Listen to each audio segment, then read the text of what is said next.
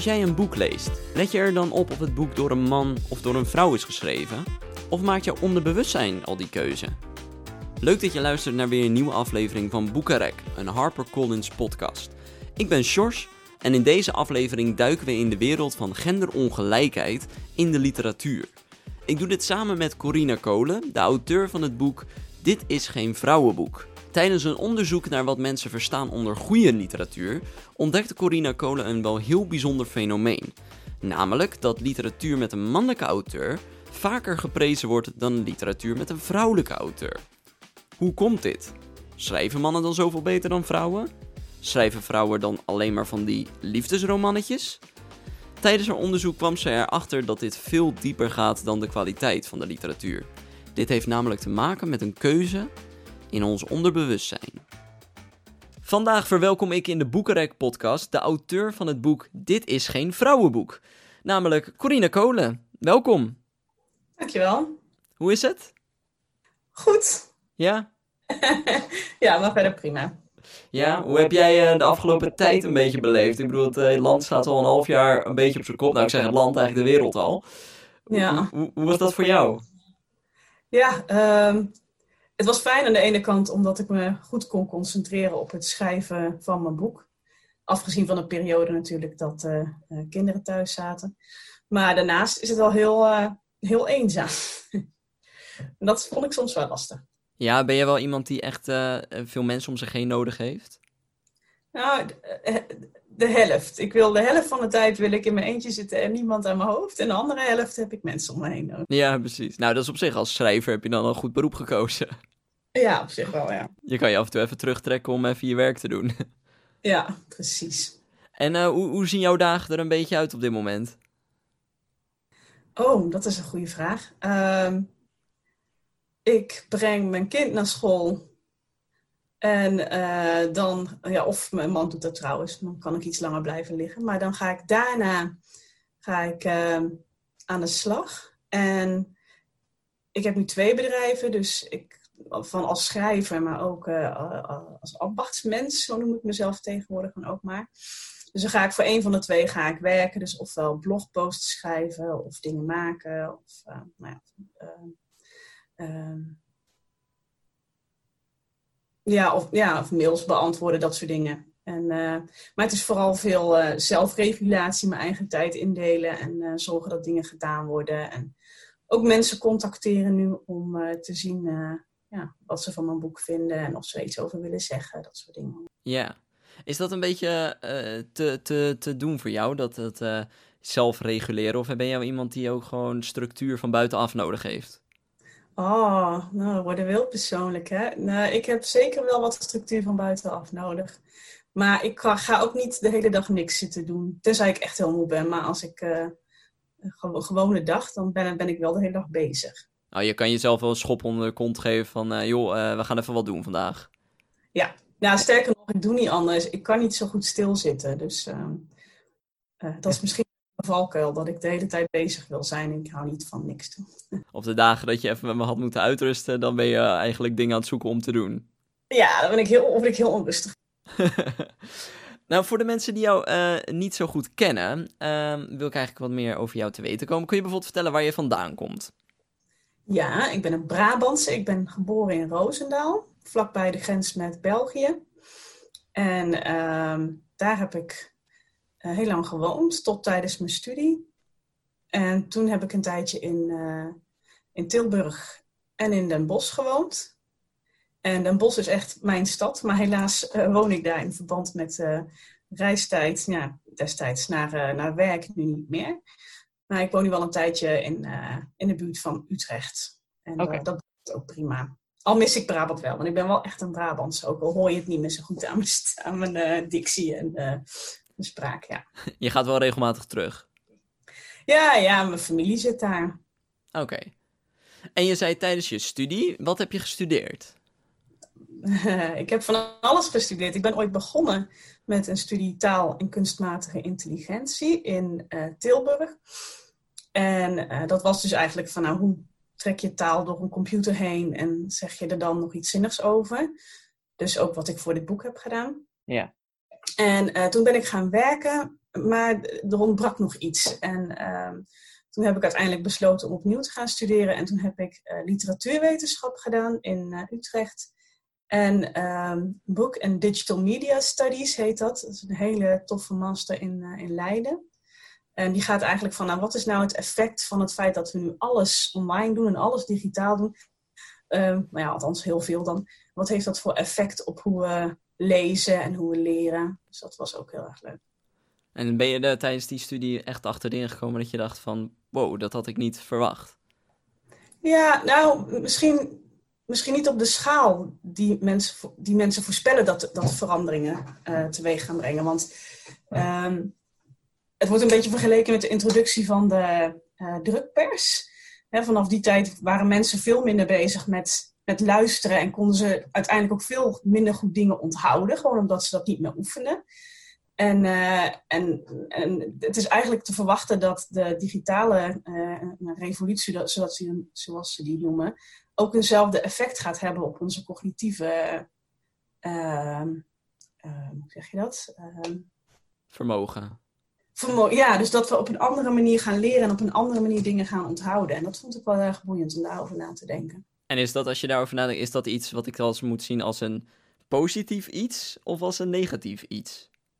Ja, dat is zo flauw. We, we passen ons aan. We passen ja. ons goed aan. Ik bedoel, destijds toen, toen de drukpers kwam uh, en schrift kwam, ik moet zeggen de schrift, eigenlijk.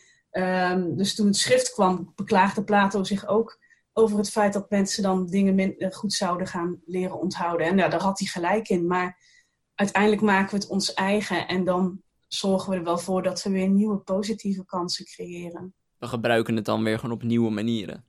Ja, ja niet dat we alles geweldig doen. Ik bedoel, de manier waarop we het milieu aan het stuk maken zijn, is natuurlijk een mooi voorbeeld van hoe we als mensheid ook niet, uh, niet uh, de wijsheid in pacht hebben. Maar uh, ik denk wel dat we ons gewoon aanpassen en weer, uh, ja, en weer gewoon op een andere manier verder gaan. Ja, precies. Maar we hebben inderdaad nog veel te leren. Dat is wel een beetje de conclusie. Ja, ja, en, maar tijdens die studies en ook daarna heb jij je ook uh, in de literatuur gefocust op uh, gendergelijkheid, of moet ik zeggen ongelijkheid. Ja. Kan je vertellen wat dat precies inhoudt? Um, ja, dat is, ik heb me nou al eerder mee bezig gehouden, maar het kwam pas echt weer terug toen ik um, bij mijn onderzoeksproject terecht kwam met mijn proefschrift. En dat project dat heette uh, The Riddle of Literary Quality, dus het raadsel van literaire kwaliteit. En wij gingen uh, vragen aan de gemiddelde Nederlander, welke boeken vind je nou literair en welke niet zo? En uh, toen de uitslag daarvan kwam, toen waren we heel erg verbaasd. ik was heel erg verbaasd over het feit dat romans die hoog scoorden gemiddeld waren voornamelijk door mannelijke auteurs geschreven en de romans die laag scoorden gemiddeld, uh, die waren met name door vrouwelijke auteurs geschreven. Oké, okay. en dat, maar dat kwam dus eigenlijk een soort van, daar kwam, dat kwam een soort van toevallig als, res, als, als resultaat eruit. Dat, had je niet, dat was niet het doel. Nee, dat was niet het doel. Nee, we begonnen echt met de insteek van literaire kwaliteit. Wat voor soort boeken vinden mensen nu literair? En wat voor soort boeken vinden mensen nu niet zo literair? En kunnen we dan, als we die informatie hebben, iets verstandigs gaan zeggen over wat dat met de tekst te maken heeft. Dus kunnen we in teksten zien waarom ze literair worden gevonden? Ja, precies. Dus dan toen was je echt over de inhoud, naar de inhoud aan het kijken en naar het, naar het, het geschreven, maar niet over wie het schreef. Nee, nee, totaal niet. Want we hebben ook, niet, we hebben ook helemaal, niet, helemaal geen rekening gehouden met, uh, met gender bij de selectie van onze boeken. Nee. Maar ja, dan zie je dat. Dan heb je die conclusie van dat er dus toch een bepaalde ongelijkheid is. Mannen worden dan toch blijkbaar uh, hoger uh, geprezen dan vrouwen. Uh, wat is dan, wat, wat, wat, gebeurde er toen met jou? Wat was toen dat je dacht, huh, hier moet ik wat mee? Ja, toen dacht ik, ik wil gewoon weten waarom dit is. Ik wil uitvogelen hoe dit kan. Want ik moet eerlijk zeggen, het was toen 2013, dus niet eens zo heel lang geleden. Maar ik dacht eigenlijk dat het wel allemaal wel meeviel met dat gat. Ik dacht dat het niet zo heel erg was.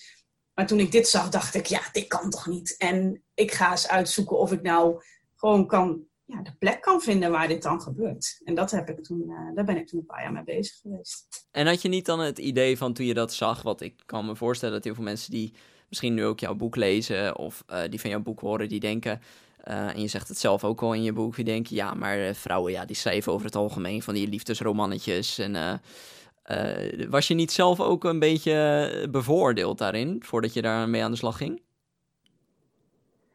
Ik denk, ik denk dat iedereen tot op zekere hoogte bevooroordeeld is. Dat klinkt heel suf misschien, maar ehm, we worden gewoon in een bepaalde, op een bepaalde manier opgevoed. En ik kreeg ook gewoon de, ehm, ja, de bekende mannelijke auteurs voorgeschoteld voor, mijn, uh, voor het lezen voor mijn lijst destijds.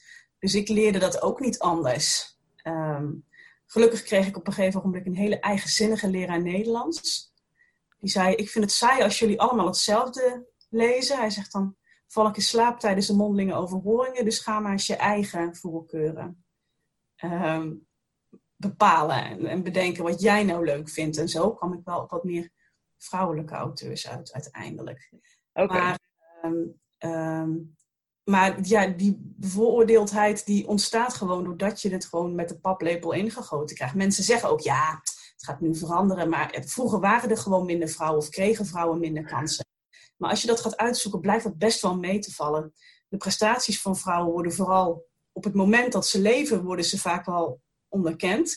Maar op het moment dat, uh, zeker recent gezien, maar op het moment dat er weet je, bloemlezingen of, of selecties moeten worden gemaakt, ja, dan vallen die vrouwen er weer af.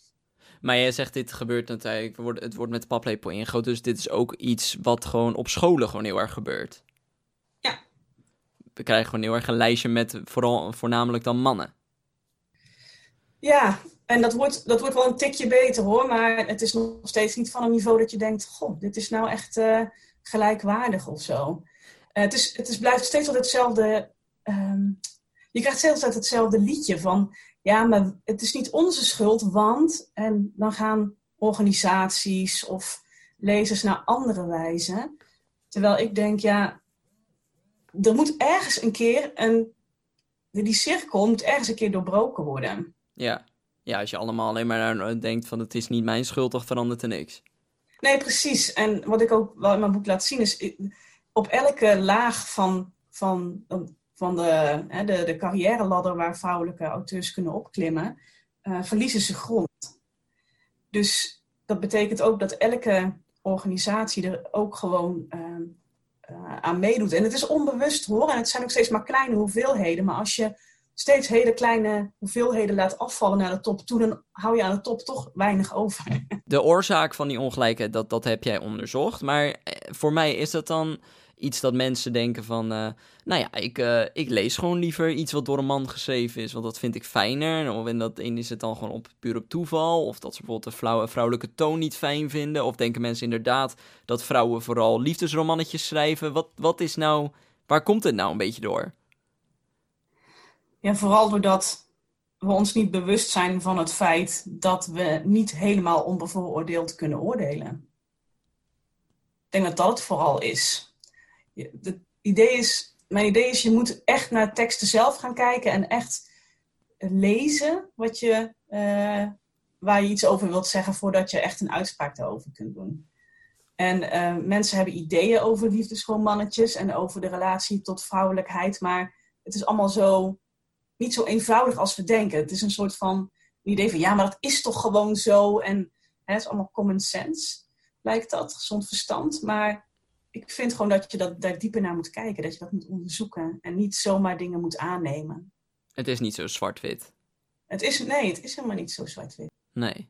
Maar als je dan, uh, als ik dan bijvoorbeeld vroeger kijk naar mijn, uh, naar mijn boeklijsten, dan uh, inderdaad, dan zie je, zie je vooral mannelijke auteurs erop. Uh, maar dan, dan, dan heb ik dat gelezen. En dan, uh, maar ik, het is toch niet dat, dat een groot deel, denk ik, van bijvoorbeeld de middelbare scholieren... dat die uh, bewust zijn van of door, nou door een man of een vrouw is geschreven.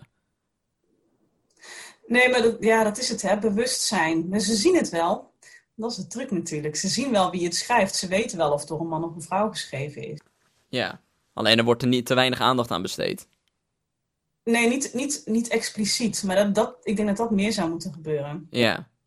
Want jij zegt ook, uh, het, het gebeurt ook dus uh, in, uh, in de lof die ze krijgen. Dus er zijn bijvoorbeeld ook prijzen die worden uitgereikt, literaire prijzen. en dat zeg je ook in je boek. En dan valt het op dat er ook een groot deel vooral naar mannen gaat. en hoe, hoe zit dat dan? Want die prijzen worden echt op een bepaald iets genomineerd. Dus die mensen die kiezen wel bewust wie er wint.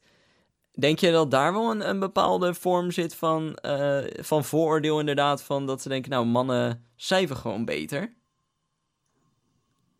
Nee, zo, ook hier is zo simpel is het weer niet. Oké. Eh, het, is, het zit niet alleen aan de, het ligt niet aan de auteur uh, of het gender van de auteur uh, aan zich. En mensen uh, denken niet mannen kunnen beter schrijven, maar um, ze interpreteren wat ze lezen anders als ze denken dat het door een man of een vrouw geschreven is. dus denk bijvoorbeeld aan Ehm, een man die over het huishouden schrijft. Dan heb je daar stiekem toch een andere mening over dan wanneer een vrouw over het huishouden schrijft. Gewoon omdat we bekend zijn met bepaalde stereotypen. En als een man dus over het huishouden schrijft, gaat dat tegen die stereotypen in. En als een vrouw dat doet, niet. Dus dan heb je toch ergens uh, heb je dat in je achterhoofd als je zo'n uh, zo'n boek leest. Dus er gebeurt heel veel op onbewust niveau. Ja, maar dan een beetje een, een, een misschien een uh, gemene vraag, maar wat is dit erg? Ha, ja, dat ligt er maar aan of je het erg vindt. ik heb mijn boek ook heel erg vanuit het idee geschreven. Ik ga, want ik was altijd heel erg van ja, iedereen moet met mij meegaan, maar dat heb ik echt losgelaten. Ik heb nu, ik vind het erg en ik zou het fijn vinden als het gelijkwaardiger werd, als er naast voor gender ook meer aandacht zou zijn voor mensen met een andere achtergrond. Uh, of mensen met, uh, met een andere seksualiteit. Dat zou, dat zou ik ook heel fijn vinden, omdat ik het gewoon leuk vind ook om zelf ja, niet steeds hetzelfde te lezen. Nee. Maar, um, maar wat een ander daarvan vindt, ja, dat maakt mij niet zoveel uit. Als, jij het, als jij dat niet belangrijk vindt en als jij denkt van nou, ik vind het eigenlijk wel goed zo, ja, dan hoef je er niks mee. Uh, maar intussen kun je mijn boek wel lezen van, nou, hoe, hoe ontstaat dat nou, zo'n oordeel van literaire kwaliteit? En waarom heeft gender daar toch iets mee te maken? Ja. Ook dat we heel objectief oordelen. En hoe... Over te halen. Nee, precies. Maar, maar zijn er wel dingen wat jij zou zeggen van... Uh, na je onderzoek van, nou, dit zou kunnen veranderen door bijvoorbeeld dit of dit te doen? Zijn er bepaalde dingen dat jij zegt, nou, dit zou eigenlijk anders moeten? Ja, ik denk dat, dat, dat het vooral van belang is dat individuele organisaties gaan denken van oké, hoe kan ik dit nu beter gaan doen? Denk dat dat vooral belangrijk is. En dan niet halfslachtig of ergens een token uh, persoon toevoegen van kijk, we hebben er ook een vrouw bij zitten. Maar gewoon, um, ja, gewoon vragen gaan stellen bij de juiste mensen. En, uh, en bijvoorbeeld, hè, ik had laatst een gesprek met de schoolboekenuitgever. Dat die bijvoorbeeld geen ook eens een keer wat andere type auteurs zoekt voor de schoolboeken. Die zijn er heus wel. En dat niet alleen maar, zeg maar de, de usual suspects zijn. Nee. Dat zijn dingen die gewoon kunnen veranderen. Maar het is niet eenvoudig, dat geef ik toe. Maar je kunt daar wel moeite voor doen om het stukken beter te maken. En iemand moet er beginnen. Ja, ja, maar het is natuurlijk een fenomeen wat je, wat je uh, in, in, in alle vormen van uh, creativiteit natuurlijk ziet. Niet alleen maar man, vrouw, maar ook mensen van een andere achtergrond, inderdaad. Uh, dat, dat, dat, dat we heel erg uh, de, de, de, de witte man, zeg maar, die staat op de voorgrond en de rest doen, ja, wordt toch een beetje naar achter geschoven. Maar dat is nu langzaam aan het veranderen. Waarbij ik wel even wil opmerken dat ik dus niet zo iemand ben die vindt dat de witte man moet verdwijnen of ehm, ehm, helemaal naar de achtergrond moet. Ik denk alleen dat, dat het gewoon een stuk interessanter zou zijn als we overal een breder palet te zien krijgen. Ja, gewoon, uh, gewoon inderdaad gewoon meer, meer keuze. Meer keuze, ja. Ik zie dat ook op Netflix bijvoorbeeld nu. Dan kijk ik wat series en dan denk ik, goh, dit zijn... Ik krijg hier gewoon een type mens te zien dat ik, dat ik nooit eerder heb gezien. Als, als gewoon een doorsnee persoon. En, en dat vind ik heel belangrijk. Dat, dat we allemaal maar gewoon mensen zijn. En, dat, en, dat, en misschien wel andere ideeën hebben of anders opgevoed zijn. Maar dat we wel op die manier naar elkaar zouden moeten kijken als gewoon allemaal mensen. Maar dus ook gewoon een, een werkelijker beeld van de realiteit. Dus niet alles wordt gedaan door die standaard persoon, maar we zijn allemaal anders en iedereen kan iets bijdragen. Ja, precies, want die stereotypen en herhaling van stereotypen draagt alleen maar bij aan onze, uh, onze onbewuste eh, ideeën die we hebben en dus aan onze vooroordelen. Nee, nee maar, nu heb je dat, dat proefschrift twee jaar geleden. Nu heb je het boek geschreven, maar het boek uh, ga je net wat verder. Ehm, voor de mensen die jouw proefschrift hebben gelezen, wat kunnen ze in het boek vinden wat niet eerder in het proefschrift stond? Ja, ik, ik, ik, wat ik met mijn proefschrift, toen ik daarmee klaar was, dacht ik, ik ben nog niet klaar. ik had heel veel vragen en heel veel klachten, maar ik had uh, geen antwoorden. Ik wist niet, mensen vroegen mij, wat moeten we nu doen? En ik had daar eigenlijk geen antwoord op. En nu in dit boek heb ik een antwoord. Ik heb, ik heb eindelijk de precieze plek gevonden waar het misgaat. Uh, omdat ik bijvoorbeeld ook nog nieuw onderzoek heb gedaan uh, met een collega van mij.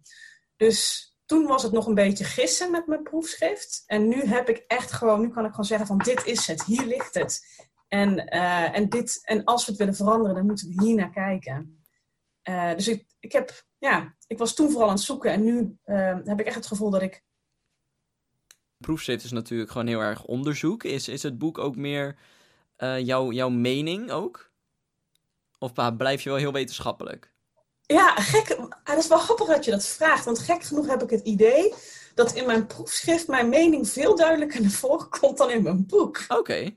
Uh, Amy Koopman, dat is een vriendin van mij. En die, um, die is ook literair auteur en, en die presenteert nu Paradijs Canada. En die is altijd heel kritisch op mijn stukken, omdat zij dus niet houdt van, van, um, van, van het hedendaagse feminisme. Daar is, is zij een beetje, staat zij een beetje, moet je zeggen, ze, ze, ze weet niet precies hoe ze zich daartoe moet verhouden. Um, ik, was, ik was altijd heel erg fel en heel erg um, met, met een zwaard was ik, was ik aan het schrijven in mijn proefschrift. Ik was toen ook heel boos nog over alles wat ik vond. En nu, zei Amy, um, er is geen spel tussen te krijgen. en toen dacht ik, oh kijk, en dat is wat ik wil horen. Dat iemand die dus hè, in hetzelfde vakgebied ongeveer cum gepromoveerd is. En ook al heel lang zich met dit soort vragen bezighoudt. En zelf literair auteur is bovendien. Als die zegt er is geen spel tussen te krijgen, dan denk ik, nou dan heb ik toch... Dan heb ik inderdaad bereikt wat ik wilde bereiken. Namelijk het, gewoon ook ja, alles, alles aftimmeren en gewoon echt laten zien van, nou, hier zit het hem nu. Nou, ik spoor iedereen aan om uh, jouw boek te gaan lezen. Dit is geen vrouwenboek van Corina Kolen, ligt uh, nu in de winkel.